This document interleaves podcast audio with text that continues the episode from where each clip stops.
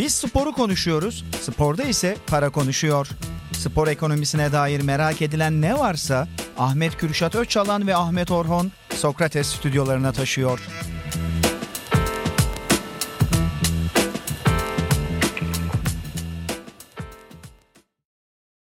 Merhabalar Sokrates ekranlarından herkese selamlar. Yaşadığımız afet sonrasındaki ilk programımız bu. Onunla ilgili ben birkaç şey söylemek istiyorum açıkçası. Benim burada katıldığım bir dayanışma gecesi vardı Sokrates'te. Çok da güzel bir geceydi. Yardım toplandı. Önemli sporcular formalarını bağışladılar ya da kupa gibi paylaşımlar oldu e, sporculardan ve açık arttırmayla satıldı. Çok güzel bir dayanışma gecesiydi o. Orada Mehmet abinin dediği bir şey vardı. Bilime rağmen yaşayamayız diye. Çok doğru. Yani inşallah bundan sonrası için uzmanlara biraz kulak vererek, bilim insanlarına kulak vererek hem bundan sonrası için ve bundan sonra yaşanacak olan depremler e, için daha biraz daha onları dinleyerek hani hareket edersek belki daha az öderiz e, faturayı. Hepimize geçmiş olsun, başımız sağ olsun diyeyim ben. Olacak yine depremler. E, deprem ülkesiyiz. Ben 13 yaşında yaşamıştım ilk depremi 99 yılında. O zamandan beri söylenen bir şey bu. Benim o zamandan beri duydum ve hafızama kazınmış bir şey. O zaman da çok ağır ödemiştik faturasını ama bu sefer çok da aynı şekilde değişen bir şey olmadı. Aradan yaklaşık 20 sene geçmiş olmasına rağmen 20 seneden bile fazla. Bundan sonra yaşayacağımız afet inşallah daha az faturaya mal olur bize diyeyim. Sen bir şey söylemek ister misin? Öncelikle hepimizin başı sağ olsun. Ya ben yaklaşık hayatın çok ciddi bir kısmını yurt dışında geçirmiş ve yaklaşık iki buçuk sene önce ülkeye gelmiş bir insan olarak ülkemize gelirken de ülke insanlarıyla e, ülkeden e, uluslararası bir şirket yaratalım, bir girişim yaratalım. Burada kendi gençlerimizi yetiştirelim.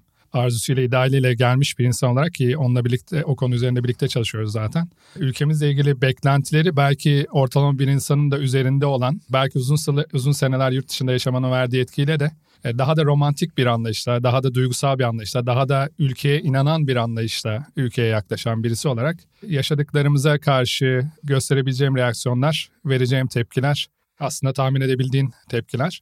Biz burada yani bu programı yaparken spor ekonomisi konuşuyoruz. Dünyanın en önemli şeyi de değil. Hatta Ancelotti'nin de yanlış hatırlamıyorsam futbol dünyadaki en önemsiz şeylerin en önemlisi dediği bir şey var ya spor da öyle. Sadece hayata tutkuyla yaklaştığımız bir şey. Niye spor ekonomisi konuşuyoruz noktasında da aslında burada yapmaya çalıştığımız şey bizim ne kapitalizmi övmek, ne endüstri övmek, ne büyük kulüpleri övmek. Bizim burada yapmaya çalıştığımız şey küçüklüğünden beri sevdalandığımız işte bizim için Fenerbahçe, başkaları için Galatasaray, başkaları için Beşiktaş, basketbol takımı olur, futbol takımı olur, spor olur. E, Türkiye'den birçok çocuk, birçok insan bu konuda heyecanlanıyor. Biz eğer bu spor ekonomisini konuşurken de amacımız o. Problemlere sistematik şekilde yaklaşmazsak, fırsatlara sistematik şekilde yaklaşmazsak, bilimin, aklın, işaret ettiği şekilde yaklaşmazsak biz hem fırsatlar kaçırmaya ve dünyanın geri kalanından geride kalmaya devam edeceğiz hem de ne yazık ki daha da trajik şekilde böyle durumlar olduğunda canlarımızı kaybedeceğiz, arkadaşlarımızı kaybedeceğiz, ailelerimizi kaybedeceğiz. Yani bu bizim bu konu özelinde yani spor ekonomisinin tek başına ne kadar önemi var kısmını tartışırım. Milyar dolarlık, trilyon dolarlık piyasalar olabilir. Ama bizim burada vermeye çalıştığımız alt mesajlardan biri de ki deprem konusu hayat memat meselesi olduğu için bu daha da aşikar hale geliyor. Biz bazı şeyleri sistematik şekilde yapmazsak hiçbir alanda başarılı olamayız. Dahası biz bazı şeyleri sistematik yapmazsak, akılla yapmazsak, bilimle yapmazsak başarılı olmayı bırak hayatımızda bedel öderiz noktasına geliyor. Bunun bir indikatörü aslında burada spor ekonomisiyle ilgili konuştuğumuz şey de o. Ya biz buraya zaman zaman espriye vurarak konuşuyoruz. Zaman zaman biraz arkadaşlar da reaksiyon oluşturalım diye onları provoke ederek konuşuyoruz, fikirlerimizi ortaya atıyoruz ama burada yapmaya çalıştığımız ve insanlarda bırakmaya çalıştığımız izlenim spor ekonomi özelinde de o. Biz eğer sistematik bir şekilde doğru yapıları kurmazsak, sürdürülebilir başarıların peşinden koşmazsak, anlık mutluluklarla gark olursak ve anlık mutlulukların e, motivasyonuyla bütün hayatımızı şekillendirirsek, popülist kaygılarla hareket edersek, bugünü düşünürsek, yarınları hatta kendi göremeyeceğimiz gelecek yılları düşünecek, düşünerek hareket etmezsek ve oralara hizmet edecek yapıları kurmazsak hem hayatta kalmamız zor fiziken bu dip deprem bunu gösterdi. E, bu benim yaşadığım, bizim yaşadığımız dördüncü, beşinci büyük deprem evet, Türkiye'de. Hem hayatta kalmamız zor, fiziken hayatta kalmamız zor. Bunu gösterdi hayat bize. Ama dahası finansal olarak, ekonomik olarak da hayatta kalmamız zor. Ve o finansal makas hem ülke ekonomisinde hem de ülkenin içerisinde olan diğer endüstrilerdeki sporda bunlardan bir tanesi. Bu makas açıldıkça artık bunlarda elde edeceğimiz başarı ve bunlardan elde edebileceğimiz mutluluk da ortadan kalkıyor olacak, azalıyor olacak kaygısıyla yaklaşıyoruz. Yani bizim burada yapmaya çalıştığımız şey sistem kuralım, sürdürülebilir yapılar kuralım, sürdürülebilir ekonomik gerçeklikler, bilimsel gerçeklikler, fiziksel gerçeklikler bunların etrafında bir hayat kuralım, bir sistem kuralım ki her alanda başarılı olalım. Ülke insanımız en güzelini hak ediyor. Ben bütün dünyayı bir şekilde bütün dünyayı dolaşmak nasip oldu neredeyse. Onlarca ülkede çalışmak nasip oldu. Onlarca milletten insan da çalışmak nasip oldu.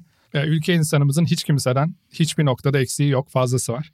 Ki yardımlaşmada bütün insanların gösterdiği, cebindeki üç kuruşu paylaşarak gösterdiği reaksiyon da bunun bir indikatörü. Bunun hakkını vermemiz lazım. Bunu 3 ay sonra unutmamamız lazım. 3 ay sonra yine popülist kaygılarla bazı şeylerin peşinden koşmuyor. Birbirimize dönmüyor olmamız lazım. Tek hedefimizin ülkeyi ilerletmek, ülkeyi daha yaşanabilir bir yer kılıyor olması lazım. Çok da net konuşamadım kusura bakma bu konuda canım biraz sıkkın ama çünkü ya ben bir girişimci olarak buraya geldiğimde iki buçuk sene önce ülkeye dair hayallerim ülkeden uluslararası bir şirket kurmaktı. Türk insanıyla Türkiye'den uluslararası bir şirket kurmaktı. Ben bunu dünyanın herhangi bir yerinde yapabilirdim ki profesyonel kariyerimin tamamı yurt dışındaydı benim. Ama ülke hakikaten kendi insanına o kadar sahip çıkmıyor ve kendi insanının önüne o kadar büyük zorluklar geç çıkarıyor ki bu hiçbir şekilde o bu şu bireyler işaret ederek birey, e, bir takım yapılar işaret ederek konuşmuyorum asla burada. Hepimiz sorumluyuz bundan. Bu depremden de hepimiz sorumluyuz. Bu depreme karşı yapı kuramayan e, bu depreme karşı tedbir alamayan yapılara karşı da biz sorumluyuz. E, bu sorumluluk hepimizin üzerinde. E, inşallah bundan sonrasında en azından hayatta kalacak kadar ama dahası bu ülkenin hak ettiği gibi çok güzel şeyleri başaracak şekilde her endüstride, her alanda adımlar atacak, yapılar kuracak, kafa yapısına kavuşuruz. E, Allah hepimizin yardımcısı olsun. Ülke e, zor günlerden geçiyor ama biz büyük bir ülkeyiz. Bu topraklar çok cefalar çekti, çok dertler çekti. Hepsinin de üstünden geldi. E, yine gelecektir. Ondan yana da hiçbir şüphem yok. Sadece sabretmemiz ve artık ufkumuzu net belirleyip bu doğrultuda e, net adımlar atmamız gerekiyor. İnşallah. Teşekkürler. Çok güzel ifade ettin. Ben o kadar ifade edememiştim ama hakikaten sen çok güzel ifade ettin. İnşallah dediğin gibi güzel olur bundan sonrası ülkemiz adına. Bugün para konuşurda Formula 1 üzerine konuşacağız. Formula 1 de bu hafta başlıyor. Yakın yani 6 Mart'ta galiba. Evet bu cuma itibariyle başlıyor. Başlıyor. O esnadan biz de Formula 1 konuşalım bugün istedik. Nedir abi Formula 1 motorsporlarında en çok izlenen, açık ara en çok izlenen hatta e, motorsporların ürünü diyebilirim yani. E, ben küçükken de çok izliyordum lise evet. zamanlarındayken ama arada böyle bir boşluk oldu falan niyeyse yine, yine böyle başladım Formula 1 izlemeye. Formula 1'i cazip kılan nedir? Hani ekonomik gerçekleri nedir? Buna değinelim istedik bugün. Buyur.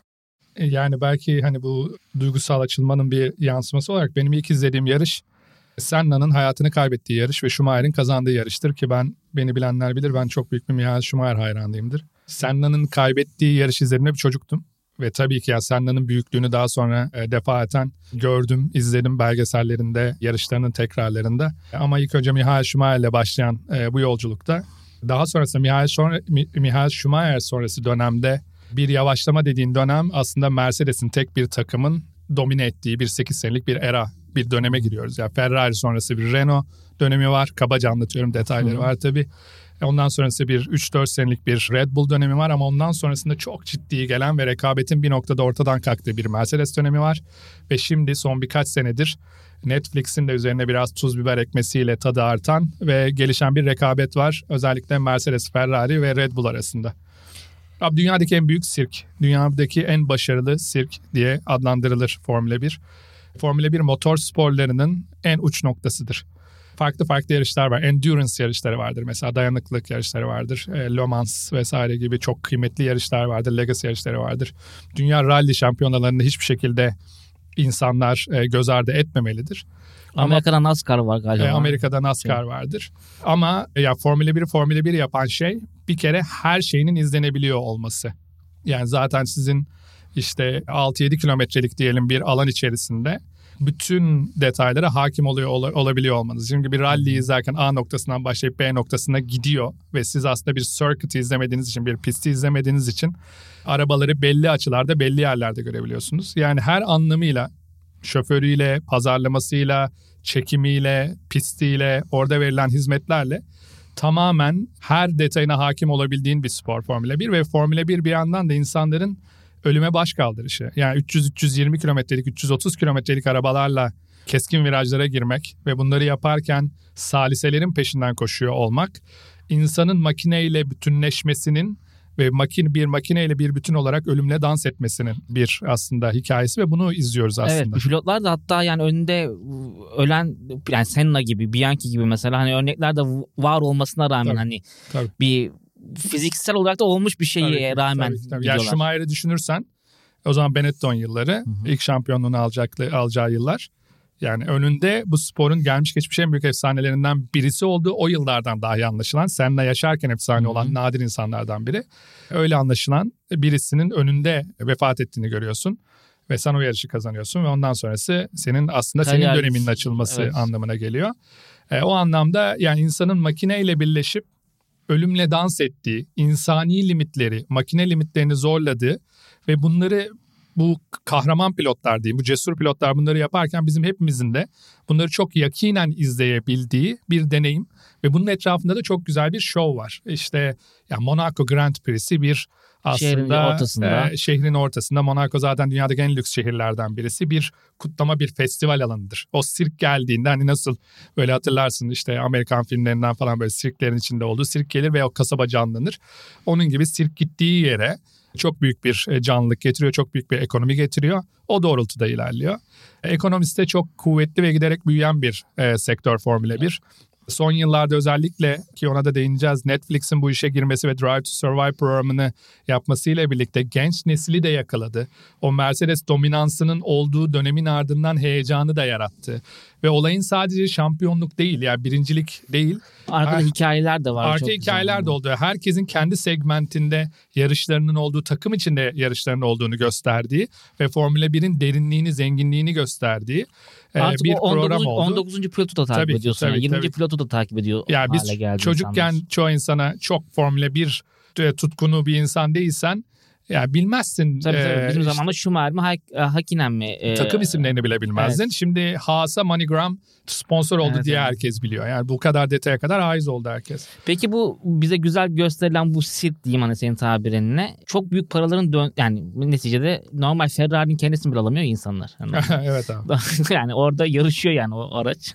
yani büyük paralar dönüyor Evet. muhtemelen. Ee, Ya 180-200 milyon pound civarında ortalamada bir harcama Formula 1'de var. E, Bu ciddi bir para. 180-200 milyon maliyeti pound'da bu takımlara mı olan maliyeti? takımların her yıl harcadığı para bu konuyla ilgili. E, Onu da e, ana kalemde dörde bölebiliriz gibi düşünebilirsin ve neredeyse eşit dağılıyor kabaca gibi düşünebilirsin. E, bunun %25'i Research and Development, R&D'ye gidiyor. Ya bu e, motorlar ve bu arabalarda kullanılan teknolojiler işte her bir parça, aerodinamikleri ölçülen, motor gücü ölçülen, tasarımları ölçülen, içindeki materyali ölçülen mesela bu sene karbon fiber çılgınlığı var her yerde.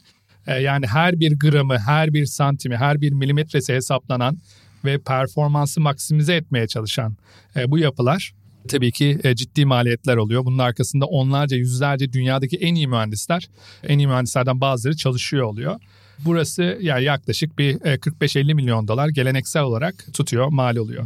Bunun ardından salary'ler var yani maaşlar, e, pilot maaşları, orada çalışan insanların maaşları özellikle teknik ekibin vesairenin maaşları. E orada ama şey tabii şampiyon pilotlar çok çok daha Tabii fazla ki, para tabii ki. alıyordur. Burada ya Hamilton e, bu konuda yıllardır en yüksek kontratı onundu 55 milyon dolarla.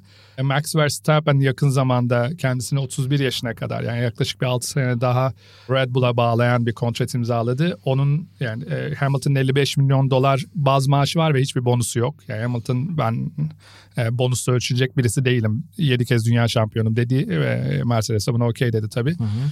Mercedes'i Mercedes yapan figür de biraz kendisi olduğu için de Formula lüksü 1 var. için de çok önemli bir marka. E tabii ki tabii ki. Ya ben her ne kadar Schumacher'in rekorlarını kırarken Hamilton e, içim gitse de yani e, gelmiş geçmiş en büyük şoförlerden Hı hı.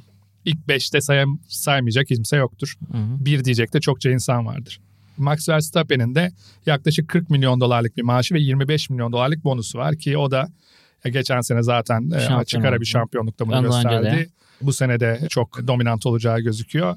65 milyon dolarlık yıllık bir geliri de onu var. Ama tabii bir yandan da mesela George Russell var. e, Hamilton'ın takım arkadaşı. Aynı arabada, aynı ekipmanda. Hatta geçen sene e, 2022 senesinde e, Hamilton'ın önünde bitirdi puan sıralamasında. Hamilton birazcık daha kumar oynadı yarışların bazen de. O yüzden de Russell da istikrarlı bir şekilde yarıştığı için önde bitirdi ama total geliri 10 milyon 10 milyon dolar. Bunun 3 milyon doları maaştan 7 milyon doları bonustan geliyor. 55 alıyor 55 Hamilton. milyon dolar ve sıfır bonus. 3 milyon dolar ve 7 milyon Evet, dolar bonus. Bonusu alamayabilirsin. Öyle yani senin de şeyini kanıtlaman, titrini kanıtlaman, kendini kanıtlaman gerekiyor da- maaşlara çıkabil. Ve ama totalde ortalamada hani böyle Hamilton gibi, Verstappen gibi istisnaları olsa da buraya da bir 45-50 milyon dolar civarında para gittiğini söyleyebiliriz. Russell için tabii şöyle var ama hani neticede Mercedes'in pilotu olmak da onun adına güzel bir şey. Hani ön planda oluyor. Yani hani ben biraz önce söyledim yine 19. 20. pilotu da hani takip ediyorsun ama Alpine mesela onun pilotunu değil de Mercedes'in pilotu daha fazla hani yine de takip edilir. bu çocukların hepsi ya 4-5 yaşlarından Araba beri hissi iyi bir de yani bir kazanmak için yarışıyor bu adamlar. Yani bunu kürsüye çıkma ihtimali de var Mercedes Tabii, tabii. sayesinde Ki Russell'ın da. çıktı. Geçen sene Aynen. ilk yarışını kazandı. Brezilya'da kazandı ve e, çok da iyi Interlagos pistinde efsanevi pistlerden Hı. biridir. E, çok da güzel bir yarış çıkararak kazandı. Williams'dayken dahi podyum görmüşlüğü vardı ama Mercedes'te sıklıkla podyuma gitti. Sıklıkla ilk 5'e girdi. Şampiyon olma ihtimali var. Bir çocuklar 4-5 yaşlarından beri yarışan, 4-5 hatta geç bile bazıları için yarışan ve tek hedefleri bu sirkte şampiyon olmak şampiyon olan olmak. adamlar. Yani parasal benefitler tabii ki çok önemli ve tabii ki çok profesyonel yaklaşıyorlar. Ama ben sana şunu söyle, şöyle söyleyeyim. Herhangi bir şoför bütün gelirinden neredeyse %75'inden 80'inden şu anda Max Verstappen'in koltuğunda yarışmak için vazgeçer. Tabii, Bugün tabii. vazgeçerler. Çünkü yani. şampiyon olma ihtimali var orada neticede. Ve yani. yani şampiyon olduktan sonra Arabayı- ekonomik anlamda zaten şeyler geliyor.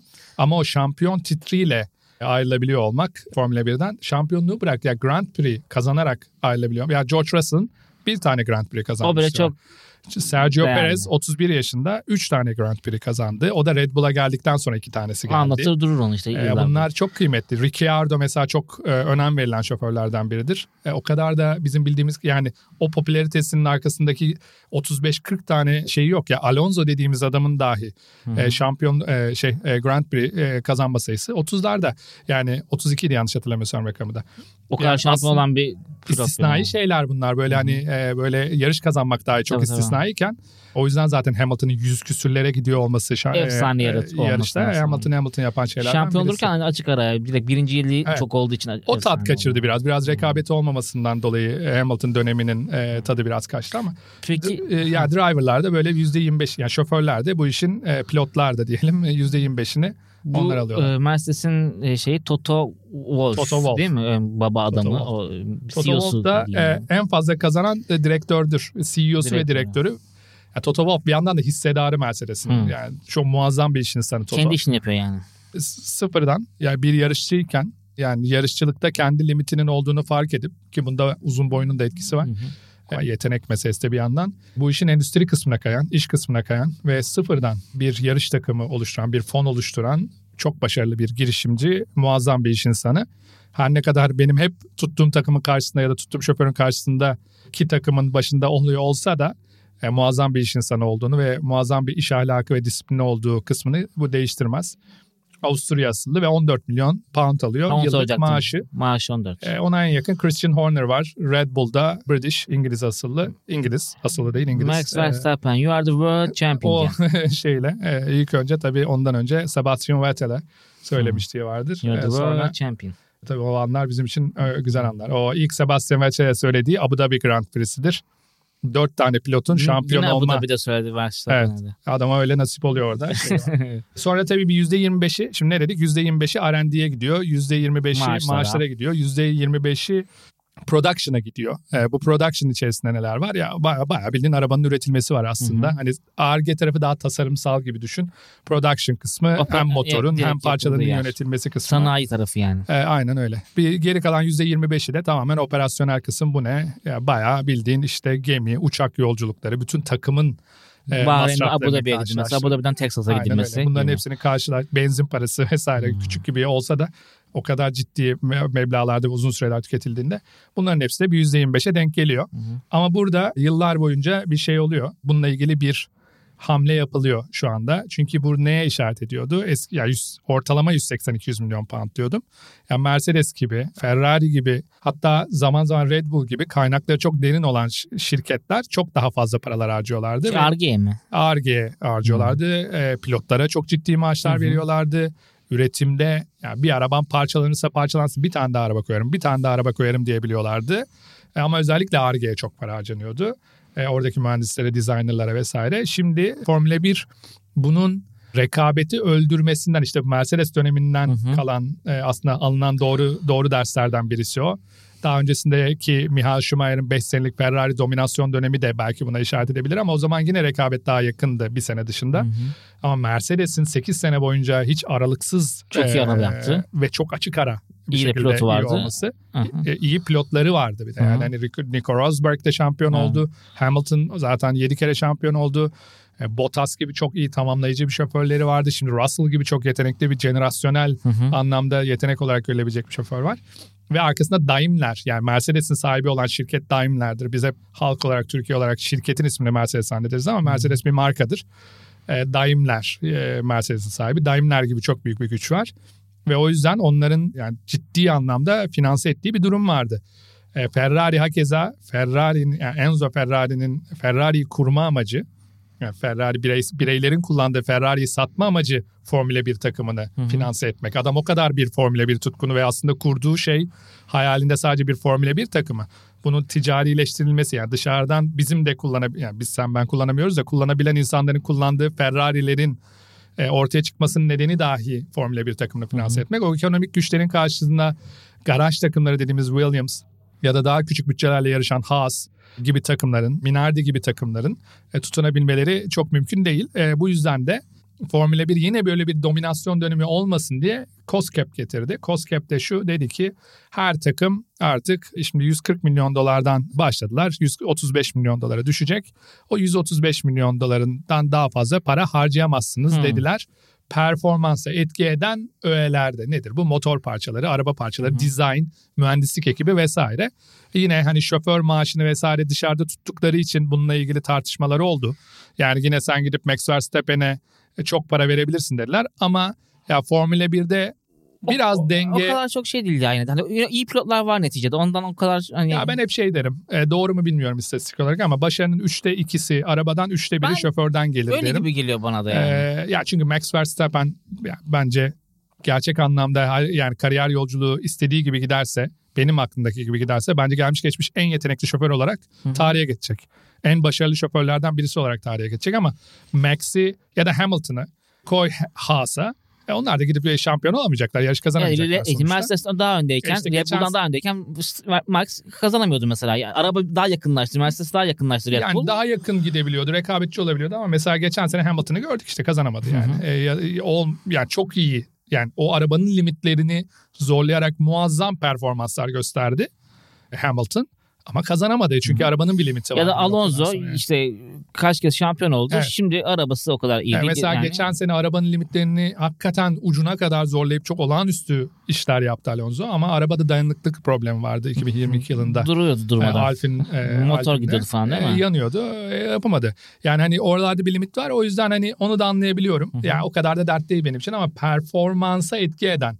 Bunda mesela rüzgar tünelinde Hı-hı. geçilecek vakit. Rüzgar tüneli ve dışarıdaki gerçek koşulların oluşturulduğu bir fiziksel ortam gibi düşün. Yani böyle bir Simülasyon odadayız değil gibi gerçek aslında yine yani. yani. Bir simülasyon var. Ona harcanan parayı da limitlediler. Hı. O ne? Software, yazılımlar var ve sana neredeyse birebiri andıran bir şekilde özellikle bu yapay zekanın artmasıyla birlikte Formula 1 koşullarını oluşturuyor ve e, sen araban orada nasıl performans gösterir anlıyorsun. Ama bu rüzgar tüneli dediğimde bayağı bildiğin işte rüzgar var işin içerisinde. Başka faktörler var. Yani fiziki climatic dedikleri iklimsel Hı. koşullar oluşturuyorlar.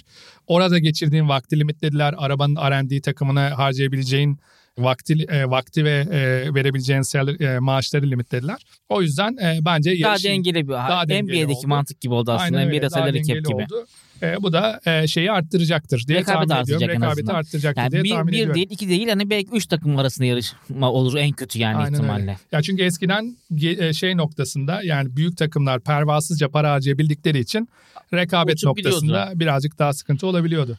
E bu gider kısmıydı. Bir de bunun tabii gelir kısmı var. Gelir kısmında da çok ciddi gelir kalemleri var. Yani ben bizim diğer programlarımızda konuştuklarımızın aslında çok benzeri kalemlerden Sponsorluk bahsediyoruz. Sponsorluklar işte aynen öyle yayın hakları vesairelerden bahsediyoruz. dediğimiz ödül parası. Aynen. Aynen öyle. Ya burada da 5 tane temel e, kategori var bir Formula 1 takımının geliri. E, bunlardan en önemlisi FOM dediğimiz Formula 1 takımının, Formula 1'in, Formula 1 organizasyonunun Formula 1 takımlarına verdiği para var. E, bu en ciddi gelir kalemi bunlar. Bu FOM'in yani Formula 1 takımlarının Formula 1'in Formula 1 takımlarına verdiği paranın da altında 5 tane temel kolonu var. C1 to C5 diye geçiyor. Kolon 1, kolon 2, kolon yani column İngilizce C olduğu Hı hı. için C1'den C5'e kadar diye Hı hı. geçiyor. Bunun C1'i her takım eğer sen Formula 1'e katıldıysan ve iki senenin üzerinde iki sene ve üzerinde Formula 1'deysen yani geldi gitti gibi bir adam değilsen ki öyle bir takım yok zaten artık eskiden çok eskiden oluyormuş o durumlar 36 milyon pound kazanıyor. Kafadan veriyor Kafadan veriyor. yani. Yani ben- Ayak bastı parası a- veriyor. aynen. Formula bir organizasyon. Ayağında hep bastığı için direkt kafadan e, 36 Formula 1 milyon yeni cepte. sezon başladığında EFT yapılıyor banka hesabına gibi Hı. düşün. Fena da olmaz 36 milyon pound'u bir İyi anda para. E, şeyde görsen. Garanti Bankası e, Esentepe şubesinde 36 milyon. Komik olabilir Tabii yani. Ama işte ne, ne- olmaz ikinci- bize gelmez. İkincisi yanlış yazıyorlarmış değil mi IBAN'ı? İki hane yanlış yazmışlar sana. Sana geldi. 36 pound gelir. O olabilir. Ha, o da olabilir. Allah bereket versin. Bir merch'ümüzü alırız. Şey hemen bir atkı. Aynen yeter. E, İkincisi C2 dediğimiz kısım. C1 36 milyon e, verilen Kafadan ayak, ayak bastı parası diyelim. Katılım parası. C2 ödül parası. Hı hı. Sen eğer şampiyonsan, şampiyon bitiriyorsan ki son sene mesela Red Bull içinde bu 61 milyon. E, ikinci bitiriyorsan 52 milyon. Üçüncü bitiriyorsan 41 milyon pound e, alıyorsun. Üçüncü de iyi alıyor. Alıyor. Sonuncu bile 13 milyon pound alıyor bu arada. Yani fena değil. Maaş çıkar şoförünün. Evet, yani, evet yani rahat rahat çıkar. Evet. İki, iki, iki şoförünün maaşı Russell 3 çıkar. alıyormuş zaten bir de yani. çıkar. Bir de Evet. sonuncu olduysan bonus alamayacağın için rahat rahat çıkar. Hı hı. Ee, yani gerçi sadece şampiyonlara göre bonus verilmiyor. Alınan puanlara vesaire daha Hı. kompleks oluyor. Şoförden şoföre değişebiliyor o da. Bu da çıkar. Bu C2 kısmı. Burada tabii şey kısmı önemli. Bu paranın devamlılığı kısmı işte önemli. Yani hı. şimdi planlarını da hani her sene ben şampiyon olacağım gibi harcarsan ve olamazsan bu sefer oradaki 10 milyonluk Tabii, tabii. 20 milyonluk gapler batmaya başlayabilir. Üçüncüsü Ferrari bütçesi diye geçiyor C3. Bu sadece Ferrari'ye veriliyor abi. 68 milyon pound her Kıyak sene geçiyorlar. sadece Ferrari'ye sen yeter ki burada kal diye verilen bir para. Gerçek anlamda bu abartmıyorum. E, Ferrari bütçesi Ferrari kıyağı diye geçer. Ee, bu şeydir Ferrari en eski katılan yani ikinci yarıştan Formula Bu 1 Enzo Ferrari'nin şeyinden dolayı olabilir. Demiştin ya biraz önce millet sürüsün diye değil de hani oradan Formula 1'i finanse edeyim diye. ya, o Ya- hep, herkesten daha çok sevdiği için belki Formula 1'i Ferrari. e, abi bir o var. İki eskiden iki tane farklı organizasyon var Formula 1'e talip. Hmm. Onlar birleşmek üzere yani şu anda FIA'nın etrafında yapılan organizasyon eskiden iki tane farklı alt organizasyonun e, yaptığı şey. Onların o birleşme öyküsünde Enzo Ferrari'nin çok büyük bir ağırlığı var. Bu Hmm. bir. İki daha bir Formula 1 Ferrari'dir. Evet. Yani Drive Survive'de bile jenerikte mesela Ferrari pit stopu gözüküyor Yani- ağırlıklı olarak. Ferrari'yi çıkardığım bir denklemde Formula 1'in ağırlığı ciddi anlamda sarsılır. Bak 8 kez şampiyon olsun Mercedes, 15 kez şampiyon olsun Red Bull. Ferrari'siz bir Formula 1 denklemini düşünmek çok mümkün değildir. Şey yani. mesela Leclerc bile yani 2018 yılında falan işte şey diyor Ferrari pilot olmak istiyor. Yani bir- birçok pilot da Ya. Ferrari pilot olmak Abi istiyor. Vettel genel 4 olarak. kez şampiyon oldu. Red Bull takımını bırakıyor ve e, Ferrari'ye gidiyor. Hı, Ya akıl işi değil bu bir noktada. Ferrari öyledir. Kırmızı ulus derler kendilerine. Red Nation. Bir şey Rosso diye geçiyor İtalyancası da. Oranın şeyi ayrıdır. Bu e, Ferrari'ye verilen bir para. Dördüncüsü eğer sen birden çok kez şampiyonluğun varsa Formula 1'de CCB dedikleri Construction Championship Bonus. Yani üreti üretici takımlar, takım Hmm. şampiyonluk bonusu diyelim buna. Eskiden gelen ve birçok şampiyonluğu olan işte Mercedes, Ferrari, Red Bull, e, McLaren gibi takımlarsan sana verilen bir 35 milyon poundluk bir para var orada. Burada biraz Williams'a haksızlık ediliyor. Williams çünkü eskiden şampiyonlukları olan bir ekip ama bu kategoriye girememiş, girecek lobiyi oluşturamamış ne yazık ki burada. De McLaren eskiden Williams'la beraberdi zaten. McLaren Ee, Williams gibi bir şeydi sanki. eskiden. McLaren Mercedes'ti. McLaren Mercedes pardon doğru. E, aynen. o onların BMW Williams'ı. e, BMW Williams. Hı, E, o zamanlar Mercedes e, motor sağlayıcısıydı. Bir takımı yoktu. hı, hı. Çok eskiden takımı vardı. Sonra geldi bu oldu. Bu biraz lobi işi. Bu arada yani Formula 1'deki bu rakamların yani Ferrari'nin de olması da bir lobi işi. Yani 68 milyon sadece Ferrari'sin diye veriyorlar adamlar sana. E, lobiler çok kuvvetli ve e, tabii önemli. Sonuncusu da biraz şey e, böyle ad hoc bonuslar diyelim. Rastgele verilen paralar. E, yani bunun bu daha daha da artık e, lobinin en son noktası ya da artık ekstra birilerini ödüllendirmek istiyoruz kısmı. Williams'a burada veriyorlar bir 10 milyon pound heritage'dan dolayı. Yani miras sen bir miras bir Eskilerdensin. olarak Sen bir buranın eskilerindensin diye yani. e, oradan bir 10 milyon veriliyor orada ha, e, deden çok gelirdi buraya. gibi. Gibi. Ki zaten e, kurucusu yani Williams daha Hmm. iki sene önce vefat etti. Son zamanına kadar garajdaydı aktif olarak. 35 milyona Red Bull'u veriliyor burada. 35 milyon çünkü Red Bull'un bu Formula 1'in kontratlarını imzalarken ya da işte yarış koşulları konuşulurken her takımda Formula 1 organizasyonu bir e, kontrat imzalıyor. Onu ilk imzalayan takım diye Formula 1 organizasyonu Hmm. ödüllendirmiş ve 35 milyon da oradan bir Orada geliri var. Haas imzalası ya mesela kafadan. Niye imzalamıyorsun İşte sen yani? Ay Alfa Romeo Gunter Reis orada artık ben yani. Gene'i arayacağım diye unutmuştur o. Gene'i bir arayacağım Telefon geleceğim diye. Aynen. gitmiş değil mi o? Aynen. Sonuncusu yani bu C5'in içerisindeki şeyde Mercedes mesela şey diyor ben diyor geleceğim ve iki tane şampiyon olacağım diye bir iddiada bulunuyor. Formula 1'de tamam yaparsan 35 milyon veririm diyor. Bir 35 milyon da Mercedes alıyor. O da Yani biraz mantıklıymış. böyle Tamamen yani niye? E, Formula 1 niye bunu yapıyor? Mercedes gibi bir markanın Formula 1'e gelmesi çok kıymetli. Şimdi mesela Porsche gelmeyi planlıyor. Muhtemelen Porsche de arkada. Buna benzer pazarlıklar Para verin gideyim yani ben yani. Porsche'yim. Ben geleceğim ve sana Hmm. katma değer katacağım Mesela diyebilir. bu şeyde Ferrari almamış kıyak şeylerde. Üste kıyak geçildi Evet. diye herhalde. Burada bir de onun da etkisi olmuş olabilir. Mercedes şey demiş olabilir yani Ferrari'ye veriyorsunuz bize de verin falan. ona gibi. 68 milyon ama ona Mercedes'e Tam 35 milyon. vermek için de bahane uydurmuşlar. İki kez şampiyon olacağım. Ha, diye bir, bir, bahanesi. bahanesi gibi olmuş yani aslında belki de Evet, yani. evet. Ya Porsche'de şimdi bir bir, bir takım key, KPI dediğimiz Key Hmm. Performance Indicators dediğimiz birkaç tane şey koyarsın. Ben bunları yaparsam bana para ver derler. Yap, zaten yaparsın Yapacaklardır muhtemelen. Anladım. İki kere şampiyon olacağım deyip olmak da kolay bir şey değil de olmuş adamlar yani onu da şey yapmak lazım. Şimdi bu Formula 1 yönetiminin verdiği paraydı. E tabii ki sponsorlar çok kıymetli. İkincisi ikinci gelir kalemi Formula 1 takımlarının en önemli gelir, gelir kalemi sponsorlar. Hı hı. Burada ortalama bir takımda 15 ile 25 arasında sponsor oluyor. Bir sponsorluk bedeli yaklaşık ortalamada yine konuşacağım. 1.2 ile 1.5 milyon dolarlar. e, 1.5 milyon poundlar arasına denk geliyor. Aşağı yukarı aynı rakamlar. Ama hani Mercedes'in üzerindeki Petronas'ın e, mesela yıllık maliyeti 75 milyondur. 75 milyon pound. Yakın zamanda 5 yıllık e, Oracle'la Red Bull bir anlaşma imzaladı. Orada da bir 500 milyon poundluk 5 yılına yani yıllık 100 milyon poundluk bir anlaşma imzalandı. Yani ne kadar başarılıysan, ne kadar göz önündeysen çünkü önde yarışan bir takımsan kameralara da daha fazla yansıyorsun. Daha fazla röportajlar da yapılıyorsun vesaire. Tabii, tabii. İki şeyi görürsün yani Formula 1 şoförleri yarış biter bitmez gider ya şeye. Hı hı. e, artık arabalarını park ederler falan. Hemen hepsi saatlerini takar. işte Hı hı. güneş gözlüğünü takar falan. Sponsorlar Oralara için. her şey sponsor abi. E, bu sirkin en önemli besleyicilerinden birisi de sponsorlar. Üçüncüsü e, yatırım paraları. E, bu yatırım parası ne demek? E, Daimler işte Mercedes'e yani sen benim adımla yarışıyorsun. Yani sen benim markam Mercedes ve ben markamın başarılı olmasını istiyorum deyip çıkarıp cebinden e, yıllık e, ciddi bir para veriyordu. E, yakın bu bütçe limiti inşallah bunların da biraz limitlenmesini sağlayacak. Yani o hı. parayı kullanamadığın için muhtemelen azalacaktır bir süre sonra. Ama yıllık 80 milyon pound e, bir para veriyordu. Şimdiki Aston Martin mesela eskinin Racing Point'inin sahibi iş adamı o zamanki e, Hindistan'da iş adamı da çıkarıp cebinden 25 milyon dolar her sene para veriyordu. Bir yatırım yapıyorlardı. Benim takım şampiyon olsun, namım yürüsün. Biraz aslında durumu. Dördüncüsü driver linked income. Bu abi çok Formula 1'in en tar- tartışmalı konuları, konularından Sürücü biridir. bal, sürücü Sürücüden bazlı Aynen, gelir. sürücü bazlı gelir.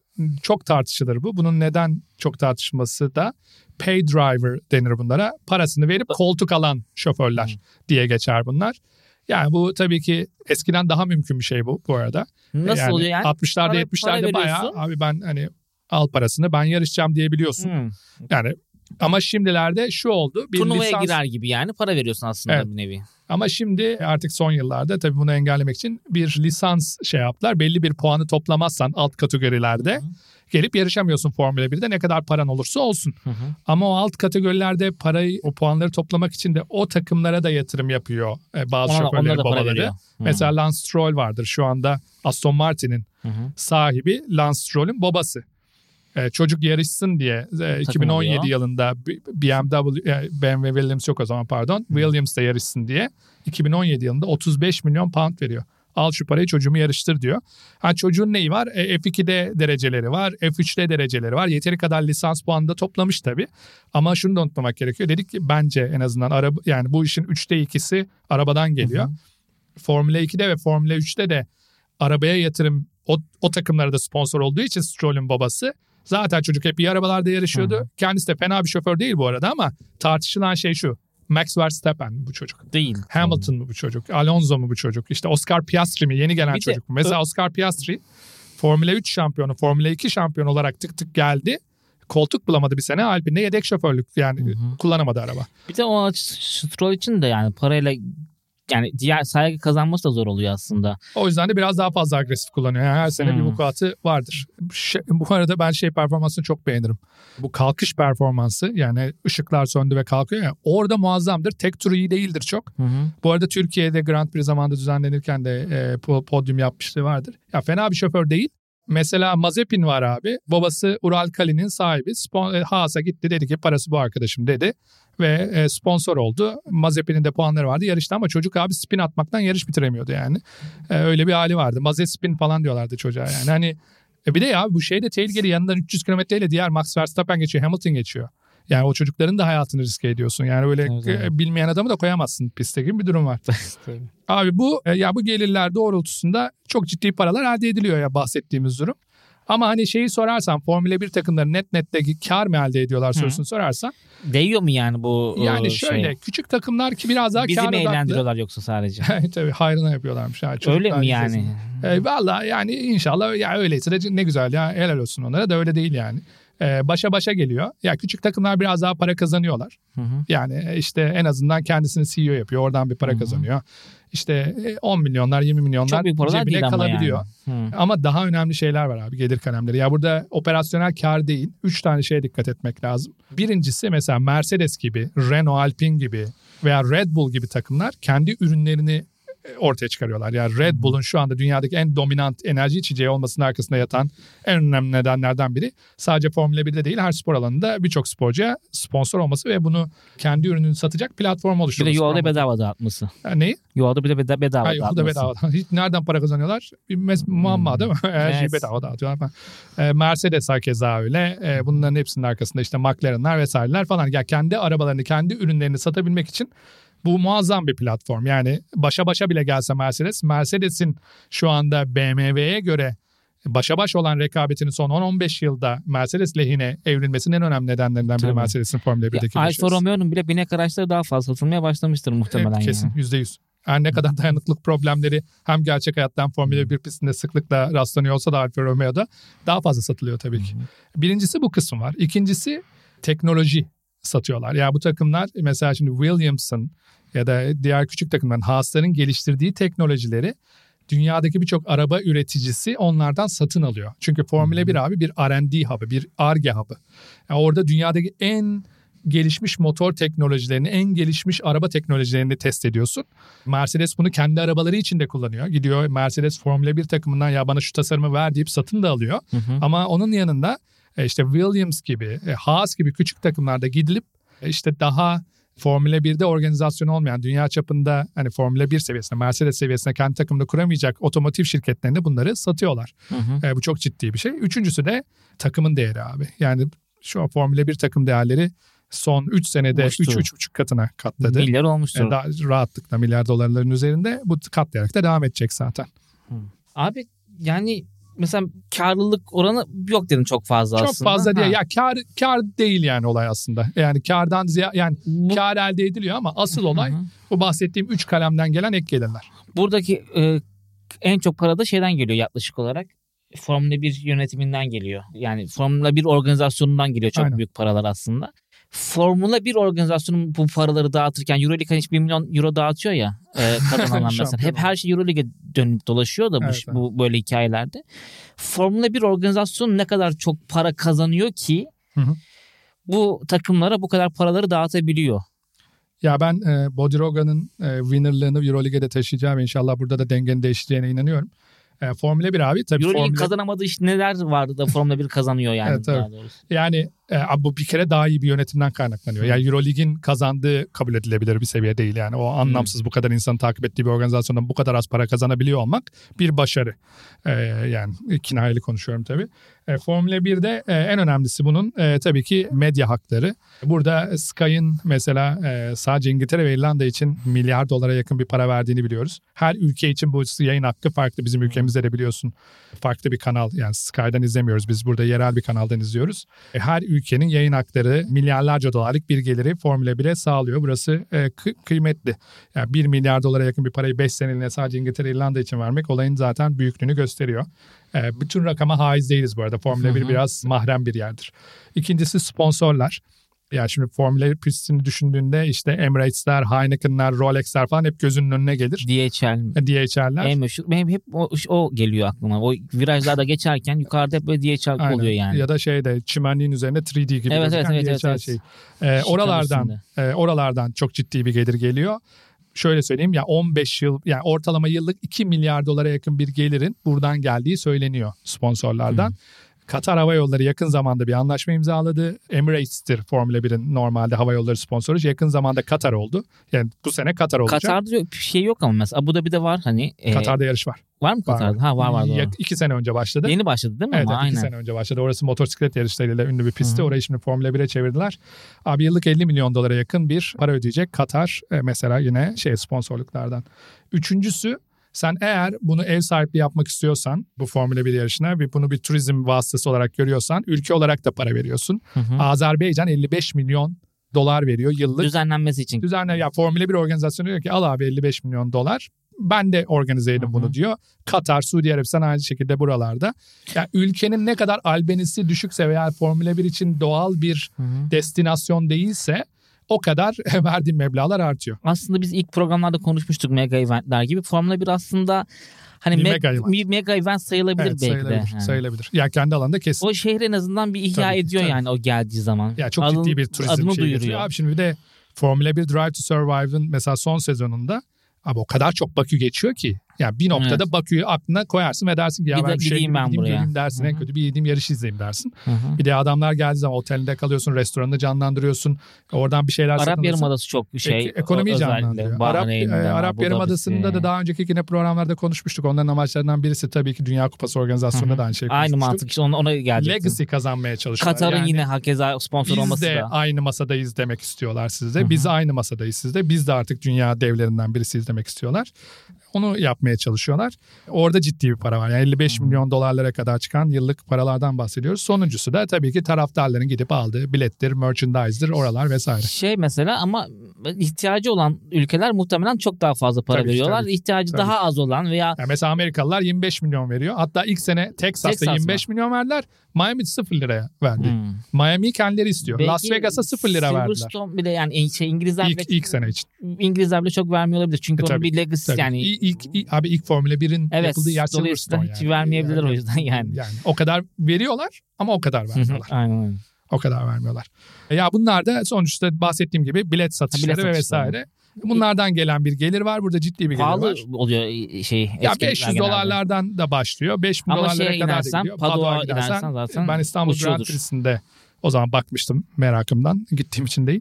Yani yarışa gittim de mı? gitmedim. 25 bin dolardı o Yukarıdan zaman. baktım Padua. Abi Paddock'un hemen üstündeydim. Fena bir yer Hı. değildim ama şeydi yani. Hani Tokalaşamadın yani bu yıllık, adamlarla. bu yıl eğlenme bütçemi harcıyorum deyip Hı, Formula pahalı 1'e yani. çok büyük tutkun Hı. olduğum için vermiştim ciddi canımızı sıkan bir parayı. Ama ortalama 500 dolarlardan başlıyor gibi düşünebiliriz. Pahalıymış. Abi son dokunuşları yapalım. Programı bitirelim. Drive to Survivor zaten birazcık bahsetmiştin aslında. Liberty Media'nın Formula Liberty 1 Media'nın Formula 1'i almasıyla almasından birlikte. sonra aslında oluşan bir şey. Çok da güzel bir program yani. Hani izlemeyenler mutlaka izlemiştir e, takip edenler Tabii Formula 1'i ama hani takip etmeyenler de izledikten sonra e, bence Formula 1'e başlarlar. O derece güzel bir yapım olmuş hakikaten. Çok da mantıklı bir PR çalışması olmuş bir Hı hı. yandan da. İstanbul'u sorayım ben sana en son ve o şekilde bitirelim. İstanbul e, sürekli bir ev sahipliği yapamıyor. Ya, yani 2-3 kere 3 Daha fazla bir dönem yaptık. Sonra Formula 1 son organizasyonuyla zamanlarda az ama son zaman Pandeminin ardı, Ha. pandemi döneminde iki kere iki yapıldı. kere yaptık on, orada. Biri seyircisiz yarış, biri de seyircili yarıştı. Seyircili yarış benim son gittiğim Evet, yarıştı. e, Hamilton hatta şampiyon olduğu bir yarış vardı bir tanesinde de o şeyde galiba. İstanbul'da olabilir. şampiyonluğunu ilan ettiği bir yarış vardı. Doğru, Yüzüncüyü kazandığıydı herhalde ya da şampiyonluğuna. İkisinden biriydi. Hı hı. Onu bir, e, Hamilton galibiyetlerini siliyor beynim abi. Onu da Max deseydin anlatırdım da Aynen. ya da Şumi deseydin. İnşallah hani İstanbul'da da yaparız. Yapmalı mıyız sence ekonomik gerçeklik olarak bakarsan 55 milyon dolar veriyormuş işte Bizim Azerbaycan. 55 milyon dolar vermemize gerek kalmaz abi. İstanbul daha doğal bir destinasyon. Hı. Formula 1 şoförlerinin en sevdiği... Ya Evet Hamilton'ın- evet çok seviyorlar. Hamilton'a sor en sevdiğin pist ne diye. İstanbul diyor. Birçok e, pilottan alıyorduk Evet. onu hatta. O şey 6. virajdı galiba bizim Evet, meşhur virajımız. e, doğru. Virajın ismini hatırlayamadım, numarasını hatırlayamadım ama Ters evet. gidiyor 3 kere saat yönünün tersine viraj galiba. içerisinde 3 kere viraj Hı hı. alıyorsun gibi bir durumun var. Yani çok sevilen, çok teknik bir pist. Yarışı çok büyük bir pist. Ve şu anda özellikle Drive to Survive ve Instagram üzerinden Formula 1 komünikasyonun arttığı bir dönemde Türkiye'deki popülarite de çok ciddi arttı. Yani 55 milyon poundlar verilse bile ki o kadar meblağlar verilmeden bence doğru bir anlaşmayla bunu getirilebileceğine inanıyorum. Bu arada İstanbul bile olmayabilir. Başka şehrimize bile düşünebiliriz. Ya Kapadokya'da bir Formula 1 yaptığını düşünürsen ne kadar hayali kurması bile heyecanlandırıcı ya da Antalya mesela ya da İzmir. Yani çok uygun yerlerimiz var, şehirlerimiz var. İstanbul Grand Prix'si zaten kendi başına muazzam bir yer. Türkiye turizm potansiyelinin çok altında bir ülke. Hı hı. Gençlerin Daha önce de Formula 1'e bahsetmiştik mega eventlerde de. Aynen öyle. Yani biz olimpiyatlar da düzenlesin, dünya kupası da düzenlesin demiştik. Bunu düzgün düzenlememiz lazım. Planlı bütçesini iyi yapmamız lazım. Ama 30-35 milyon dolarlık bir bedel bu organizasyondan hayli hayli Türkiye'nin çıkarabileceği, daha da fazlasını üzerine katabileceği bir bedel. Yeter ki buna e, sistematik şekilde yaklaşabilelim. E, Turizm Bakanlığımız, Spor Bakanlığımız bunu bir vasıta Kafaya olarak koysun ya kafaya bunu. koysun ve bunu vasıta olarak iyi planlayabilsin. Ben hakikaten mesela yani bu organizasyona yapmaya talip olacak Türkiye'de çok yetkin insanlar olduğunu bizzat biliyorum. Hı hı. Burada da program yapan Serhan abi de zaten eskiden beri bu organizasyon içerisinde ama ya, uluslararası anlamda yönetim tecrübesi olan, organizasyon tecrübesi olan, proje tecrübesi olan ve aslında bu konularda da çok iyi bir milletiz ve çok iyi bir ekip Evet. var. Bu insanların hepsi Formula 1'i Türkiye'ye getirmeye talipler. Yeter ki biz burada devlet olarak devlet de önümüzü açsın. Desteğiyle aynen. Orada yeteri kadar e, teşvikler verilsin. E, ülke için çok iyi olur, tanıtım için çok iyi olur. Bir daha bazı her şeyde para değil yani. Tamam mı? Ya başı başına da çıkarıversin. Ya Türkiye'de yani sen onu yaptığın zaman genç bir insan dünyanın bir parçası olarak hissedecek. Orada görecek. İlle yarışa gidemese bile bir aktivite olacak, bir şey olacak orada. Abi dünyanın bir parçası olmamız lazım. Bu kadar izole etmememiz lazım kendimizi dünyadan. Dünya abi biz e, kıymetli bir ülkeyiz. Büyük bir ülkeyiz. Güzel insanların olduğu bir ülkeyiz. Kendimizi çok izole ediyoruz biz. Ya Türk insanı çalışırken de öyle, yaşarken de öyle. Bunda maddi imkansızlıkların vesairelerin durumu var ama ya bazı noktada da devlet özellikle burada veya büyük özel şirketlerimiz burada bir adım atmalı. Mesela Meksika'da Meksika Grand Prix'sini getiren kişi Carlos Slim'dir. Meksika'nın en zengin iş insanıdır. Onun orada ol- olmasını sağlayan kişi. Ya iş adamlarımız olur, devlet olur ama bu bence Türkiye'ye e, ya devletin ya da çok zengin iş adamlarımızın borçlu olduğu bir durum. Bu organizasyonla dünyanın bu en güzel sirkinin bir parçası olmak biz de hak ediyoruz. Bizim gençlerimiz de hak ediyor. E, İnşallah o doğrultuda da e, adımlar bir an önce atılır. İnşallah takvime gireriz. İnşallah bir de pilot çıkarırız yarışabilecek. İnşallah abi. Ya Cem çıktı. e, Cem Bölükbaşı. E, F2'deydi galiba değil LinkedIn'den falan e, böyle bir arkadaşlığımız da var. Onu daha profesyonel bir ortamda başka bir işbirliği yapabilir miyiz diye konuşmuşluğumuz var. F2 değil mi? Değil F2'de mi? ve çok e, dramatik yani From Digital to Real diye bir şeyden çıktı. Yani dijital bir yarışçıydı o simülatör Hı hı. yarışçısıydı ve oradan Hikayesi çok e, güzel. çok tatlı çıktı. Çok pırıl pırıl biri zaten. E, Farklı farklı yarış kategorilerinde de çok büyük başarılar var. Gururlandık, izledik. Kısa sürdü biraz hikayesi Formula 2'de. Kendinde ona bağlı olmayan nedenlerden dolayı. Ama çıkaracağız abi. Yani bizim ülke insanımızın bu konuda hiç kimsenin eksiği yok. Yıllardır bir Dutch şampiyon da yoktu Hollandalı. Max Verstappen geldi. Bütün denklemi değiştirdi. Hı, İnşallah. Teşekkür ederiz. Para Konuşurum bu haftaki bölümünde Formula 1 konuştuk. Haftaya tekrar görüşmek üzere. Teşekkürler.